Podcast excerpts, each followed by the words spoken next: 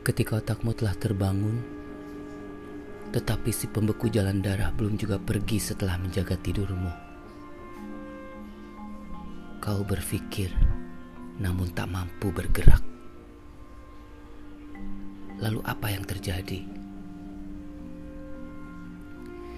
Semua penciri dirimu bersekongkol membentuk jalinan kisah agar saat-saat genting itu mampu dijelaskan. Kau tahu kan, otakmu tak pernah berhenti meminta. Ia menuntut keseluruhan dirimu untuk mengajarinya apa pun yang mampu kau ceritakan. Namun jangan berhenti di situ, bisiknya dengan keras kepala. Buktikan, oh buktikan. Berikan tanda. Sebuah artefak selayaknya segala permainan yang ada di jagat raya. Jika mengajariku tentang hantu, tunjukkan bayangan hitam dengan titik merah di dalam matanya. Otakmu memberikan contoh. Jika tentang kematian, tunjukkan jalan-jalan persimpangan menuju akhirat. Jika tentang sebuah penyakit, berikan sensasi terbakar di bagian-bagian tubuh. Sesungguhnya, detil-detil kecil merupakan tanda paling sentimental. Emosi adalah ukuran kepentingan bagi semua insan, tak terkecuali. Lalu semuanya kembali melalui sentakan yang hebat dunia menyangka dirimu baru saja bermimpi buruk. Tapi kau sering kali melebih-lebihkan. Dan itu bukan salahmu. Emosi. Apalagi kejut falak itu. Dan pucat pasti di wajahmu. Kau pikir kau yang paling istimewa.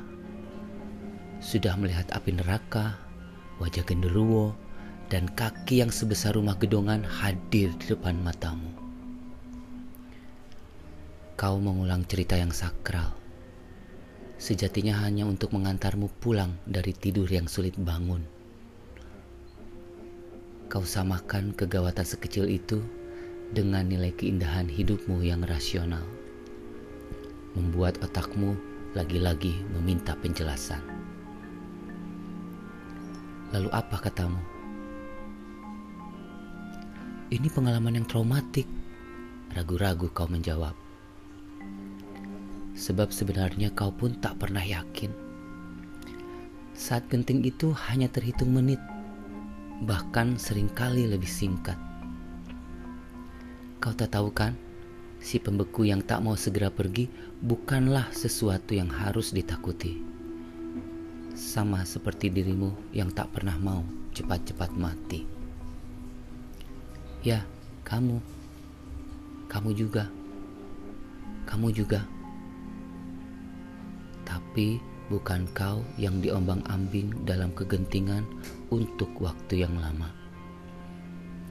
Kau patut merasa takut karena kau seperti mati, padahal kau belum mati. Jika kau terbangun, bolehlah aku mendengarkan cerita hebatmu nanti. Salam erup-erup. Begitulah episode ini terinspirasi dari perbincangan antara saya dan kamu yang sekarang ada di pesisir pantai barat di atasnya California sana. Lima tahun yang lalu di ruang tamu kamu kita habis nonton acara reality show tentang pengalaman klinik para artis di luar negeri sana. Saya bilang, saya jadi ingat sama erep-erep atau rep-repan. Terus kamu bilang itu bahasa Inggrisnya sleep paralysis. Bukan sesuatu yang perlu ditakuti atau dibesar-besarkan. Karena cuma sementara. Dan semua orang juga pernah ngalamin itu pada level-level yang berbeda. Kamu bilang sleep paralysis tidak traumatis sama sekali. Makasih ya udah kasih ide untuk nulis prosa tadi. Love. thanks the planet and have a good one